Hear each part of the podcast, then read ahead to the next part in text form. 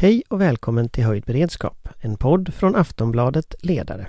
Idag diskuterar vi framtiden för utvecklingen i och kring östra Ukraina.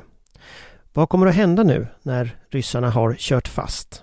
Vad kan västs stöd bidra med för att Ryssland också kanske till och med förlorar kriget? Och hur ser den svenska beredskapen ut när vi tittar på den i ljuset av det som händer i Ukraina? Välkommen! Vår beredskap är god.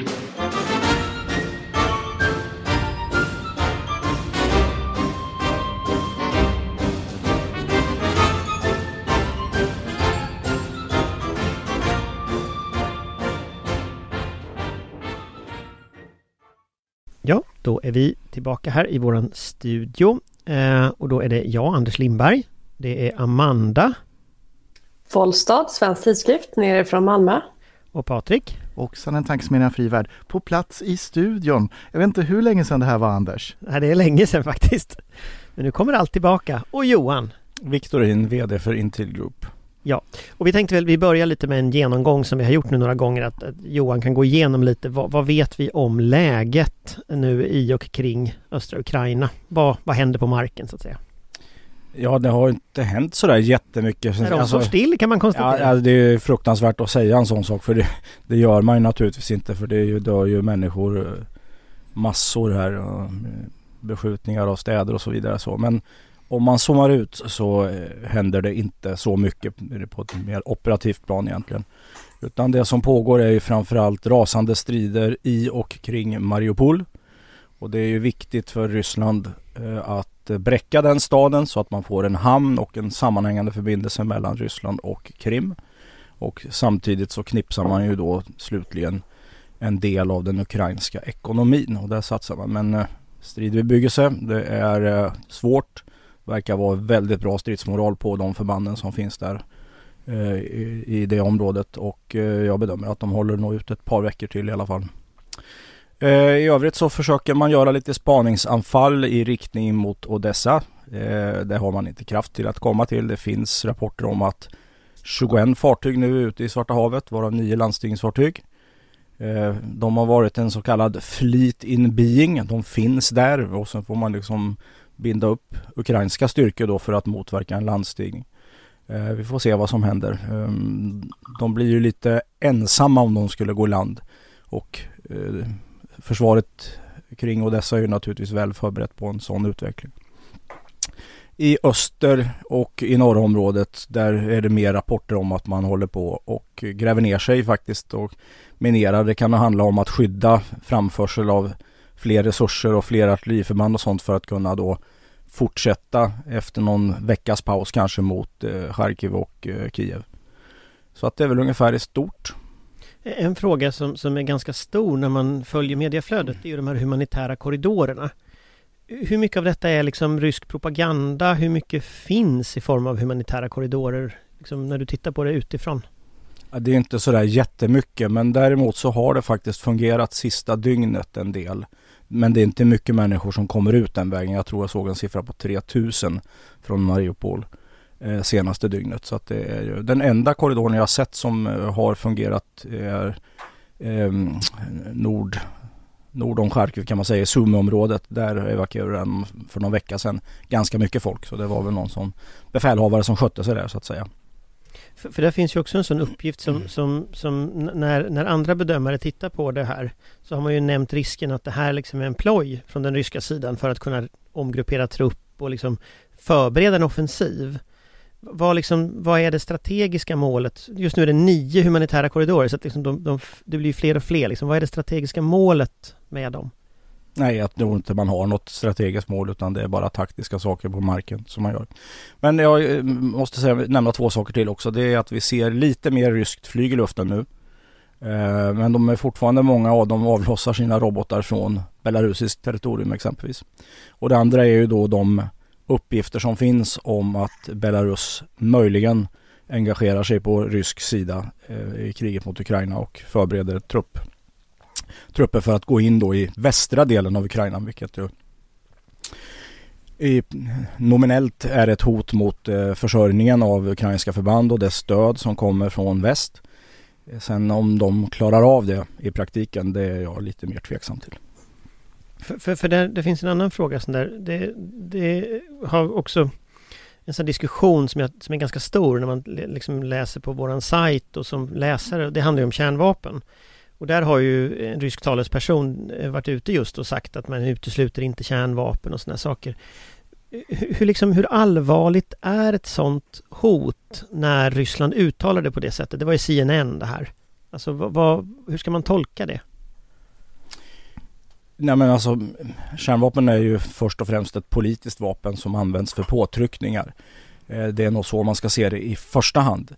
Sen finns det en diskussion eller det finns en rysk kärnvapendoktrin som då eh, inte på något sätt utesluter insats med kärnvapen men där är man ju inte riktigt än. Det vore ganska oproportionerligt och eh, det finns väl de som vill måla upp en bild av att man är galna och sånt men det finns en, ett mått av rationalitet också är jag övertygad om när det gäller vad som är möjligt. Sen vet vi inte riktigt exakt hur mekanismerna kring eh, ryska kärnvapen ser ut. Eh, alltså var ligger beslutsnivån och, och, så vidare. Vi vet hur det var förr i tiden. Då kunde ju en befälhavare på fältet här, det finns säkert en fem, sex stycken positioner i en sån här offensiv som skulle kunna utlösa taktiska kärnvapen på gamla Sovjetdoktrinen. Men hur det ser ut nu, det, det vet inte jag alls. Kan du bara lite kort, ska vi gå vidare i diskussionen, men skillnaden mellan taktiska och, och eh, strategiska kärnvapen, vad, vad, är liksom de olika sakerna? Taktiska kärnvapen är ett, ett stridsmedel för insats på slagfältet. För att ta ut sånt som är då mycket fortifikatoriskt skyddat, alltså nedgrävt. Tänker våra gamla ledningscentraler, eller våra ledningscentraler helt enkelt där regeringen sitter eller delar av krigsdelegationen, högkvarteret och så vidare och så vidare. Så det är den typen av mål. Eh, det är inte så att eh, man jagar en enskild bataljon med ett taktiskt kärnvapen utan det är fortifikatoriska, viktiga mål ur militär synvinkel. Strategiska eh, kärnvapen de handlar ju om att slå ut egentligen befolkningscentra. Det handlar ju om att eh, åsamka eh, en motståndare otroliga förluster. Och ligger på en helt annan nivå. Och där är vi, där är vi långt ifrån fortfarande. Och det är strategiska kärnvapen man tänker på när man tänker kärnvapenkrig, eh, war games från 80-talet och de här interballistiska robotarna som, som spränger stora städer till, till aska helt enkelt. Och, och, och liksom om man ställer en mer allmän fråga rent säkerhetspolitiskt, om det här är liksom läget på marken, rent säkerhetspolitiskt, om vi tittar på som världsläget, kan börja med Patrik, liksom, hur tolkar du läget? Var är, var är de olika så här, stora delarna, de, de kontinentalplattorna i det här, vart är de på väg? Kontinentalplattorna är ju i rörelse och vart det slutar, det vet vi ju inte. Det som står på spel nu eh, från ett västligt perspektiv det är ju det är ju principerna i den säkerhetsordning som nu har gått förlorad i praktiken för Europa men som vi vill, vill stå upp för. Och det är ju då eh, gränsernas okränkbarhet, nationers suveränitet och hur den här kampen då kommer att eh, landa eller stelna i sin form. Det, det avgörs ju väldigt mycket också på marken i Ukraina och sen avgörs det också en, en, aspekt och det är ju hur Kina väljer att agera. Kina spelar ju här ett spel med sina intressen naturligtvis och där man har närmat sig Ryssland under lång tid och eh, eh på olika sätt stödjer Ryssland men har ju ännu inte klivit över så att säga den aktiva gränsen att, att stödja Ryssland på ett aktivt sätt i, i Ukraina-kriget med vapenleveranser och så, även om det finns uppgifter om att sådana här saker diskuteras. Så där blir också en, en fråga att följa och se vad, vad, vad, tar Kina vägen i det här? Och jag tror att Kina är oroliga för eh, den, de, de, ekonomiska konsekvenserna av det här kriget. Man har ju sett hur de har signalerat om att eh, eh Eh, det här är liksom oproportionerliga eh, sanktioner och, och, det är alldeles för mycket och, och, eh, man hotar hela stabiliteten i världen med, från USAs sida då med, med, med de här kraftiga sanktionerna. Så att det är klart att det finns en rädsla i Kina då att, att så att säga få på sig den här typen av sanktioner för att man blir för aktiva i hjälpen till Ryssland. Så att det finns en balansgång där från Kinas sida. Jag tänker Amanda, det är också så, nu, nu kommer ju Biden till, till Europa här, han ska resa, resa hit. Vi ser en väldigt ökad diplomati från väst. liksom, vad, vad, vad kan det här, vart, vart tar det här vägen så att säga? Finns det någonting rent diplomatiskt man kan göra som kommer att, att vända det här bordet? Nej, alltså det är en tudelad fråga. Uh, en mening är det, det, det, den lilla strimman av ljus och hopp vi ser i det här, den ökade diplomatin, det ökade samarbetet uh, över den transatlantiska länken, det ökade samarbetet, samsynen och samröret i Europa. Uh, det är ju ändå en, en oerhört positiv utveckling som det kan komma mycket gott utifrån på längre sikt om vi eh, lyckas härda ut den här situationen. Diplomatisk i relationen till Ryssland. Jag har svårt att se hur det skulle se ut. Eh, Rysslands, Kremls, Putins krav är fortfarande så pass orimliga och det inser han förmodligen själv. Det finns ingenting där som väst kan gå med på Eh, det finns framförallt ingenting där vi kan gå med på och Ukrainas vägnar. Deras eh, självständighet och deras eh, syn måste ju respekteras överallt egentligen. Vi kan ju inte ge bort delar av Ukraina som kämpar så tappert för att säkra oss själva. Då säljer vi ut den säkerhetsordning vi, vi så värnar. Men det, det det är så mycket som flyter just nu så situationen kan ju också ändras, inte minst om situationen av någon anledning ändras i Ryssland. Eh, nu var det ju lite intressant den ukrainska underrättelsetjänsten var ute häromdagen och talade om att det, det förbereds en palatskupp mot Putin. Man undrar ju om det är information de faktiskt har eller om det är ett eh, försök att spä på eh, Putins paranoia ytterligare. Men om det sker ett maktskifte, om det plötsligt blir ökade oroligheter i Ryssland på grund av framförallt den ekonomiska situationen, då kan det ju naturligtvis öppnas en möjlighet. Det kan också gå tvärtom. Vi har ju pratat om många gånger att vi inte vet vem som tar över efter Putin. Eh, men just nu ser positionerna tyvärr oerhört låsta ut. Men det talas ju också om att, USA, om att Ryssland närmar sig en en smärtpunkt eh, logistiskt och manskapsmässigt. Och då är ju frågan också var de tar vägen om den passeras. Tiden just nu, och det känns ju hemskt att säga med tanke på vilka fruktansvärda ombäranden ukrainarna genomlider just nu. Eh, men tiden är ju en mening ändå på deras sida. Lyckas de hålla ut så kommer ju Rysslands position försvagas allt eftersom som det ser ut nu. Man säger ju ibland om, om, USA att, att de aldrig har förlorat ett krig och aldrig har vunnit en förhandling. Det är väl lite överdrivet men, men, men om man nu skulle komma till en förhandling eh, då handlar det ju mycket om vad, vad, debatten i väst är, alltså ändå trots allt. Ser du några krav som Putin har som överhuvudtaget går att gå med på? Om man bara ska påminna, kraven är ju att Ukraina i princip ska ge upp sin suveränitet, man ska demilitariseras, man ska ge bort delar av landet, Krim, östra Ukraina och så vidare. Eh, alltså, finns det egentligen någonting som går att vinna i ett förhandlingsrum? Nej, jag tror det är svårt. Och sen så är det ju som sagt, till syvende och sist måste det vara upp till Ukraina, därför att det är ju som sagt deras suveränitet vi talar om. Eh, Zelensky har väl pratat om att ett NATO-medlemskap ändå inte ligger i närtid, så det låter ju som att det möjligen skulle kunna vara någonting de kan tänka sig att förhandla om. Men en demilitarisering i det här läget är ju naturligtvis en omöjlighet med tanke på utsattheten och det totalt med all rätt bristande förståendet för Ryssland. Det är ju ingen som litar på att även om Ryssland lovar att dra sig tillbaka att de faktiskt kommer göra det.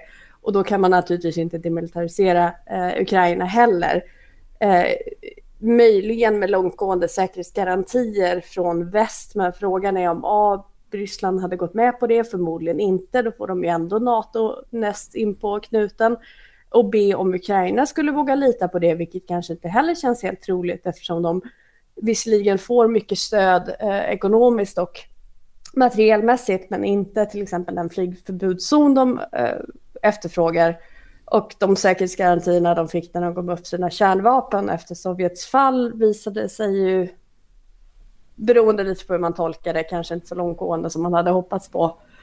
Eh, och att ge upp delar av sitt land, nej det har jag mycket svårt att tro. Eh, inte i den enighet som finns i Ukraina idag och man vet ju också vilka fruktansvärda förhållanden som, har, eh, som det har varit i framförallt Donetsk och Luhansk med folkdomstolar, oppositionella journalister som försvinner, tortyr, ja, ett allmänt förtryck. Man, man kan inte med gott samvete lämna sin befolkning i den situationen.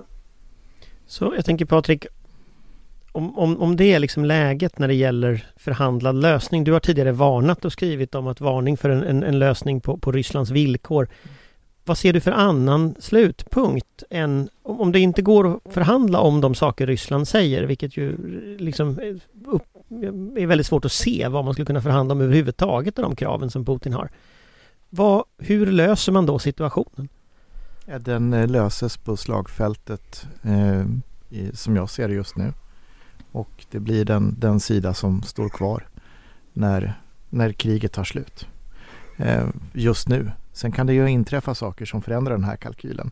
Eh, det kan ju inträffa att Ukraina känner att eh, nej, vi måste gå med på en fred för att rädda det som räddas kan. Eh, lite grann som Finland tvingades till fred 13 mars 1940 efter vinterkriget efter 100 dagars heroiska strider och fantastiska segrar och hela världens jubel, applåder, stöd och en omfattande leverans av, av krigsmateriel och tillströmning av frivilliga så tvingades ju Finland sluta fred för att man insåg att man började närma sig sin kollapspunkt.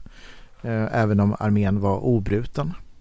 Eh, det kan ju inträffa och det kan ju inträffa saker och ting i, i Ryssland också men jag ser just nu inte riktigt var, var man skulle liksom hitta en bäraktig överenskommelse. För det är precis som, som Amanda är inne på här, Putin, han kan ju knappast göra en fred och räkna med att han överlever den freden själv. Där han har mindre i handen än vad han började kriget med. Och eh, Zelensky kan inte sälja ut något av sitt territorium. Nej, jag delar den bilden som Patrik har. Just nu är det en militär lösning som krävs i det korta perspektivet. Eh, Zelensky har ju, de, parterna har ju helt oförenliga mål. Och Ryssland eh, bedriver ett angreppskrig så att de ska ju liksom ut därifrån. Det måste ju vara slutmålet. Eh, Zelensky har ju introducerat också att eh, förhandlingsresultat ska ju underställas en folkomröstning. Så att det finns en hel del förhandlingsstrategi också från eh, den ukrainska presidentens sida. Och det, allt det här egentligen pekar på att vi måste fortsätta att ha ett militärt stöd till Ukraina. Så att vi inte tappar av. Därför att eh, jag såg att Zelensky här till någon, eh, någon parlament någonstans, tror jag det var, eh, senaste dygnet sa att vi förbrukar en veckas ammunition på, på mindre än ett dygn. Så att eh, det börjar sina lite grann där och därför gäller det att vi steppar upp och ser till att de får den material de behöver. Mm, och Zelensky ska ju tala inför riksdagen imorgon enligt medieuppgifter idag. Och eh, Sverige har ju sagt, eh, aviserat tidigare att man kommer att, att eh, skicka mer saker till Ukraina även om det inte är specificerat. Och jag förväntar mig att det kommer nog inte dröja så länge efter imorgon innan, innan man kommunicerar det. Det vore konstigt. Så att vi kan nog förvänta oss mer svensk hjälp dit inom kort. Men, men där om man tänker liksom rent, rent strategiskt för vår del så är det ju helt avgörande att Ryssland inte vinner det här kriget. Det är ju liksom vårt nationella intresse från svensk sida att Ryssland förlorar och helst förlorar ordentligt. Eh, det är ju rätt uppenbart. Eh, alltså, och, och, då handlar det ju om just att stödja både med pengar, stödja med humanitär hjälp, stödja med, med vapen. Alltså det kommer ju vara hela paletten. Eh, det här kommer ju också väcka en reaktion i Ryssland. Och det är också en sån snackis som folk pratar om ganska mycket nu. Vad, vad, vad liksom den svenska, och det hade ju mycket med pansarskotten. Vad gör Ryssland när Sverige ger pansarskott till Ukraina? Eh, vilken hotbild så att säga skapar det mot Sverige? Och den hotbilden kommer ju att också att öka naturligtvis i takt med att vi blir allt mer eh, engagerade i detta. Och jag tänker också för Polen till exempel som har erbjudit stridsflyg. Nu fick de inte ge det men, men, men det är klart att drar det här ut på tiden så kommer ju den här frågan om att stänga himlen över Ukraina att bli allt mer aktuell. Alltså tittar vi på Mariupol opinionen kommer ju inte acceptera att man bombar tillräckligt många barnsjukhus. Så att, säga, vad tror ni, vad är, liksom, vad är ryssarnas motdrag i det läget om, om väst och vi trappar upp stödet till Ukraina? Har de något motdrag? Jag måste säga emot lite grann där opinionen inte accepterar. Alltså det finns det några barnsjukhus kvar i Syrien överhuvudtaget? Nej, det är är, det är ett bra motargument. Men jag tror faktiskt att när jag, när jag, när jag lyssnar på läsare och tittar på reaktioner liksom från, från människor. Jag har aldrig upplevt en så här stark solidaritet med människor i ett krig förut faktiskt. Jag har inte gjort det. Eh, och då har vi sett liksom arabiska våren, vi har sett Libyen, vi har sett, sett en lång rad krig. Eh, så. Men jag skulle säga att det är ändå något exceptionellt liksom. När utanför kommunhuset så hänger den den, den, den ukrainska flaggan, det gjorde aldrig den syriska. Alltså det, det har hänt någonting i opinionen, man upplever sig vara en del av någonting som jag tänker att politikerna inte kommer att kunna eh, de kommer inte att kunna så att säga Eh, acceptera det. Jag kan ha fel på den punkten men, men eh, Jag tror att du har fel där därför att eh, eh vi upplevde ju det i, med Finland 39-40. Eh, då skickade vi i och för sig flyg. Vi skickade en, fjärd, en tredjedel av vårt flygvapen eh, som en del av frivillig del. Men, men eh, jag tror att eh, den, den röda linjen är liksom dragen väldigt tydlig i sanden från västsida och det är ju då att eh, kriget i Ukraina ska inte bli ett krig med Ryssland som, som eh, om inte Ryssland väljer att utvidga det. Och där, där går den röda linjen. Och jag tror inte att eh, någon opinion eh, kommer att förändra det om inte följande inträffar. Eh, ett eh, angrepp med kärnvapen i Ukraina, ett större angrepp med kemiska stridsmedel eh, eller att eh, Ryssland eh, sänker eller skjuter ner flygplan, fartyg från, eh, från ett NATO-land på internationellt vatten. Eh, eller gör ett angrepp på, på NATO-territorium. Det är väl de sakerna jag ser skulle kunna förändra den här ekvationen. Men så länge allting fortsätter som det gör just nu så, så tror jag inte det. Men, men Ryssland uppfattade nog, det är ju västs röda linje. Vad har Ryssland för röd linje när det kommer till till exempel leverera vapen? De har ju tidigare pratat om att bomba så att vapentransporter, lite ospecificerat vad de menar. Jag antar att det är i Ukraina de menar. Men, men någonstans så går ju hela tiden de här systemen ihop. Vad, vad, vad, hur tänker liksom Putin? Vad är han beredd att, att göra? De har ju tidigare mördat folk och med, med kemiska stridsmedel i Salisbury. De har sprängt vapenlager och dödat människor i Tjeckien. Eh, de har ju eh, ja, legat bakom mordförsök i Sverige också. Alltså det är ju en, en, en typ av regim som är en skurkregim liksom. Vad är de, hur, vad, hur tänker de liksom? Johan, du, du vet Ja. allt. Nej, Nej det, de är nog beredda att göra ganska mycket. Det tror jag nog. Det finns ju en brutalitet och en hänsynslöshet.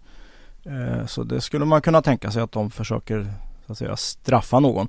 Jag tycker att det är lite symptomatiskt att det är britterna som är främst. För britterna är ju ändå en kärnvapennation. Och de levererar nu och håller på att utbilda på deras luftvärnssystem Starstreak som är väldigt avancerat. Och den vägen då kan åstadkomma åtminstone en- en flygförbudszon i praktiken som är över delar av landet i alla fall till att börja med. Eh, så att eh, det beror lite grann på vilken profil man har och vilket, vilket utfall. Men det går ju inte att utesluta att man... Eh, men det är lite svårt att hitta vad, vad, vad ska man göra sen då? man skulle kunna skjuta kryssningsrobotar mot, mot ett annat land som Finland eller Sverige.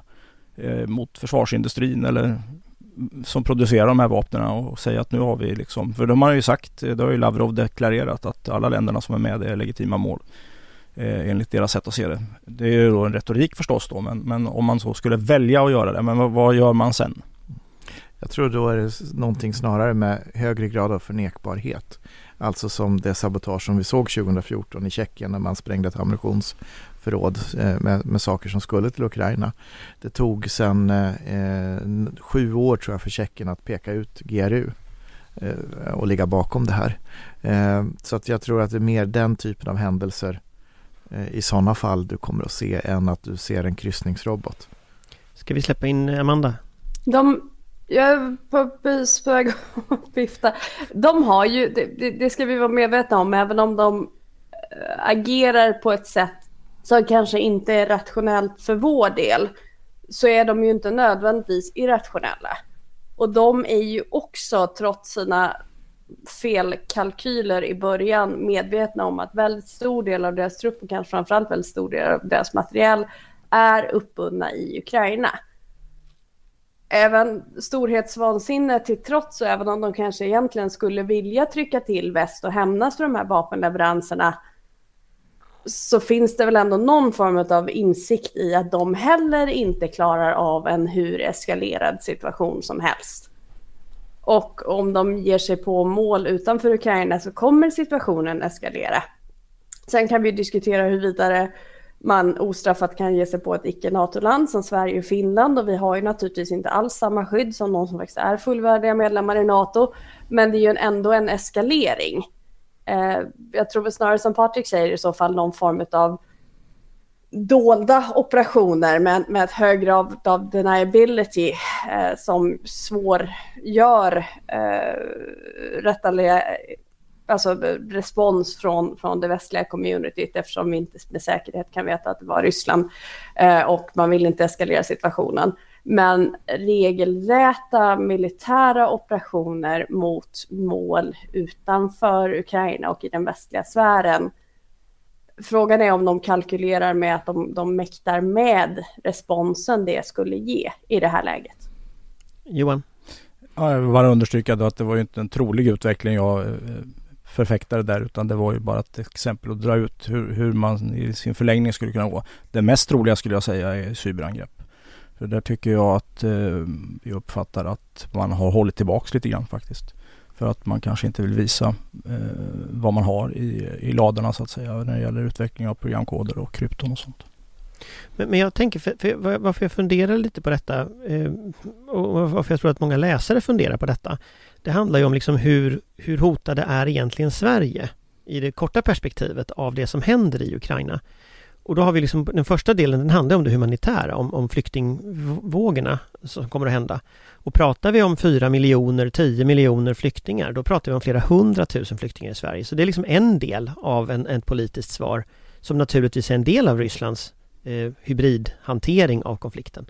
Nästa nivå är ju cyberangrepp eller eh, attentat, alltså sånt där som är från Ryssland.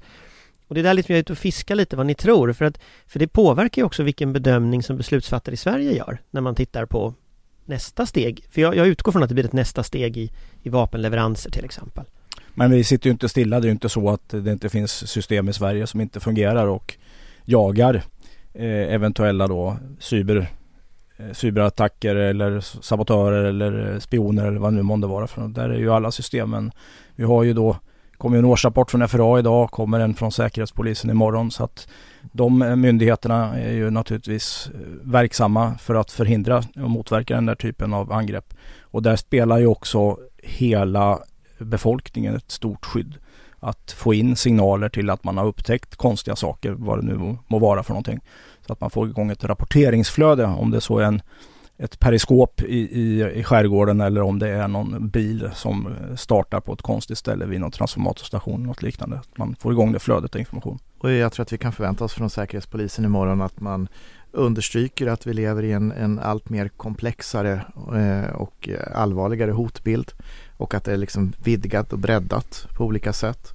Eh, och att eh, jag tror att man kommer att fortsätta att eh, uttrycka det här på ett tydligt sätt. Vi ska ju komma ihåg att eh, eh förra året så hade man ju på sidan 3 ett fribrutet citat att eh, eh fler måste eh, eh, göra mer och eh, för att för, för, hacka jag till det här eh, försöka hitta formuleringen vad den var nu. Eh, den var någonting i stil med följande. viljan att hålla Sverige säkert tillsammans med förmågan är inte tillräcklig. Fler måste göra mer. Någonting i den stilen hade man då på sidan tre och jag tror att man kommer att fortsätta den här kommunikationen och jag tror också att man kommer att exemplifiera tydligare med vad är det för någonting man ser så att medborgare ska kunna känna igen och reagera på de här sakerna som eh, Johan här nämnde i förbifarten och att, att man då hör av sig till Säkerhetspolisen. Amanda? Nej men det är ju lite två delar det här just hur, hur utsatt Sverige blir för att vi skickar stöd till Ukraina. Och den första är ju att det finns ju en oerhörd styrka. Jag vet att jag tjatar om det här men jag tycker att det är väldigt, väldigt viktigt. Det finns en oerhörd styrka i den enighet som EU och NATO plus bihang eh, uppvisar i den här frågan. som också gör det lättare att agera därför att det blir inte ett tydligt utskilt mål på det sättet. Eh, nästan alla stödjer på olika sätt. Eh, de, många skickar vapen, skickar utrustning. Eh, många länder som man inte trodde skulle gå med på det har ju genomfört eh, långtgående sanktioner och så vidare. Och det blir ju en oerhört styrka därför att står vi enade så, så går det inte att peka ut en syndabock för Ryssland på samma sätt och slå till mot. Och det är ju naturligtvis en oerhörd trygghet i den enigheten. Sen är ju inte vi NATO-medlemmar eh, och det kan naturligtvis göra vår situation mer utsatt tillsammans med Finland eftersom det eventuellt inte betraktas som samma eskalation och ger sig på oss. Eh, samtidigt så är det ju en oerhörd eskalation och eh, som sagt det är ju frågan om de, de tror att de mäktar med det och funderar över vilken respons de skulle få att sprida så att jag tror inte risken för just Sverige är överhängande, även om vi naturligtvis ska vara oerhört beredda för en, för en eskalering både i närområdet och eh, som drar in oss. Och det andra är ju helt enkelt, vad är alternativet? Det finns ju de som förfäktar att eh, Ukraina ska ge sig och lämna över eh, Krim och, och Donbass och Luhansk Donetsk och Luhansk, förlåt, för att eh, blidka Putin för att stoppa kriget, för att det är det viktigaste. Att man kan avmilitarisera landet och lova att inte gå med i NATO bara för att få fred. Och det finns de som tycker att vi inte ska stödja Ukraina därför att det är onödigt att provocera och att det här inte är vår strid. Men vi vet ju hur Ryssland tänker och vi vet hur Ryssland agerar. Och bara för att vi matar björnen den här gången gör honom ju inte mindre farlig i framtiden. Snarare tvärtom. Det visar ju bara att de med våld och hot får precis vad de vill. Och vad hindrar dem då från att använda mer våld och större hot nästa gång de vill expandera sitt territorium eller tvinga Europa och väst på knä? Så att det här är ju även vår strid, även vårt krig och det är därför det är så oerhört viktigt att vi stödjer Ukraina så länge det nu behövs. Därför att Ukraina slåss inte bara för sin egen överlevnad utan de slåss för den europeiska säkerhetsordningen, för en rättsbaserad världsordning och i förlängningen för allas vår frihet och handlingsfrihet. Jag, jag tänker att en, ett intressant spår i detta när man funderar på liksom den debatten som är om det här. Den är ju också det att det var så många som underskattade från början vad Ukraina skulle kunna göra. Man trodde inte att de skulle kunna försvara sig. Så att man hade liksom gett upp någonstans mentalt. Och nu så inser man att det gick. Och man inser att antagligen att de här pansarskotten vi skickade förmodligen spelade en viktig roll och tillsammans med det alla andra har backat upp har spelat en enormt stor roll. Och bara om vi, om vi bara fortsätter detta nu så kommer konsekvensen att bli just det som vi pratade om, att Ryssland faktiskt kan förlora. Och den tanken tänkte man ju faktiskt inte i början. Och nu tänker i alla fall, jag ser allt fler kommentatorer som säger, att ja, det kan faktiskt leda till att de förlorar. Och det måste väl ändå, tänker jag i alla fall, liksom den mentala skillnaden i vårt samhälle är ju en otroligt viktig del i varför den här maskinen rör sig framåt. Och där tänker jag att riksdagsledamöterna imorgon kommer ju att ha verkligen, om de ska lyssna på Zelensky, så har de ju också ett ansvar att leverera någonting till honom. Och jag, jag tror att jag har lite rätt med opinionen eh, och jag förstår invändningen om finska vinterkriget och så, men jag måste säga att jag har ändå, jag har jobbat här i 12 år nu eh, på Aftonbladet. Jag har aldrig upplevt den reaktion den samstämmighet från läsare som jag upplever nu. Det har alltid funnits här grupper som säger liksom, ja men vi ska vara snälla mot Ryssland eller vi ska förstå Putin och sånt där. Jag hör, ja det finns naturligtvis någon dåre liksom på Twitter, men jag hör liksom inte den, den inställningen. Den finns liksom inte särskilt utbredd liksom. Och det där, är no, det där är en förändring och jag tror att det där har mycket med Det där har mycket med att Ukraina inte gav sig. Att på något sätt, vi har väntat i alla år på, på Vladimir Zelensky liksom, det är det vi har väntat på. Så sätter han ner foten, ja men då plötsligt så kommer folk på att, ja men fan det går ju. Det där är jätte, jag tror det är en stor det, viktig skillnad. Det, det, tror jag att du har rätt i, absolut. Försvarsvilja är ju grunden eh, för det här och, och Ukraina och Zelensky visar ju vad man kan åstadkomma om man bottnar i försvarsviljan och det är ju en, en, en eh, inspirerande insikt att se det. Ukraina kan, vill och ska försvara sig precis som Sverige kan, vill och ska försvara sig. Det är inte omöjligt. Precis, intill dess att angriparna har givit upp alla sina mål. Ni högläser liksom här ur... Nej, det sitter i ryggmärgen. Ja. Alla besked om att motstånd är upphört är falska, Anders. Jo, vad heter det? Ja. Nej, men, men då, här lyfte jag ju upp i Aftonbladet Daily här i måndags eh, när jag var med där med att det, det förpliktigar också. Nu har vi haft mycket fokus på det militära försvaret. Eh, för mig var det faktiskt en besvikelse när man kom ut från förhandlingarna i förra veckan och eh, förstärkte det civila försvaret med 800 miljoner kronor. Mig med. Eh, jag förstår inte riktigt hur det har gått till faktiskt om jag ska vara ärlig. Det finns, vi vet alla att det finns stora behov att fylla. De är, bristerna är större i det civila försvaret än i det militära försvaret. Jag tror att du får lägga en del av ansvaret där på MSB som eh, inte eh, fick ihop mer. Men det som jag blir mest eh, förvånad över det är ju den fortsatta tilltron som svensk byråkrati har uppenbarligen att omvärlden rättar sig efter våra svenska byråkratiska processer och det, det, det tycker jag Ja, jag, jag är fortfarande förvånad över att den 24 februari inte satte sig hårdare där.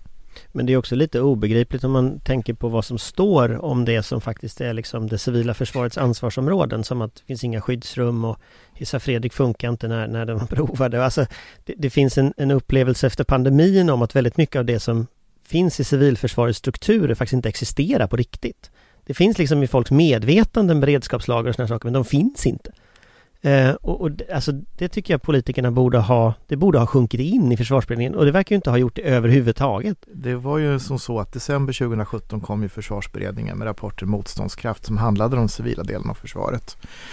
Och då sa ju försvarsberedningens dåvarande ordförande, eh, då Björn von Sydow, tidigare talman och försvarsminister, att eh, Sverige står nu inför eh, sina största den största samhällsreformen i modern tid tror jag han sa. Jag var med på ja, pressträffen årtionden, där. årtionden kanske. Ja. Det ja, kan, Men det var den största samhällsreformen i alla fall var formuleringen. Jag var på pressträffen då. Och den, den, har ju inte, den har inte lyft än. Den har inte tagit fart än. Och jag såg någon medierapportering här om, om skyddsrum i Stockholm där man konstaterat att ja men hoppsan, här hade man inte byggt några skyddsrum alls därför att det här området byggdes ju på den eviga fredens tidevarv. Och då kom ju frågan då, ja men vad skulle man göra då, då när det inte fanns skyddsrum här? Ja, man får väl evakuera då var svaret.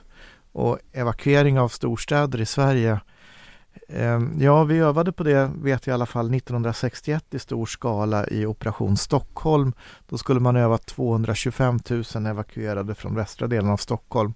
Jag tror att i slutändan var det 30 000 som dök upp på den övningen. Några andra större storskaliga övningar har vi ju inte gjort på det. Och då är ju frågan då, när, när tänker man börja göra det då, om man inte har byggt skyddsrum? Det är ju det som är så fascinerande också. Vi ser ju det varje gång det är en större kris. När flyktingkrisen kom 2015 så ville man låna tält och förläggning av militärer. Blir jätteförvånad när det inte finns.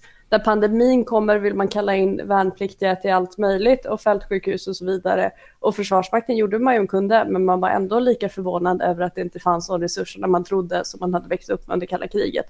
Eh, det här sker ju igen och igen och igen och ändå lär man sig aldrig att de här grejerna inte finns kvar. De är borta. Jag tycker det är mitt, mitt favoritexempel, jag ska bara ta det som en avslutning, för nu ser vi ju i Ukraina just behovet av civilt försvar, behovet av alla strukturer. När man byggde det nya toppsjukhuset i Stockholm, Nya Karolinska, då är det byggt i glas. Och det är bara att tänka sig att det skulle vara en stad som utsätts för någonting som överhuvudtaget finns i Ukraina just nu. Vi har ett sjukhus för traumavård i glas.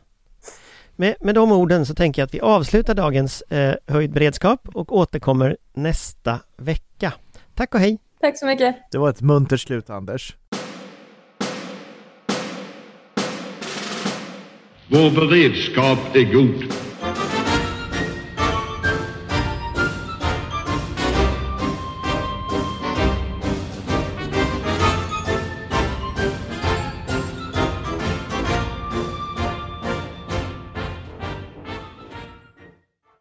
Du har lyssnat på en podcast från Aftonbladet.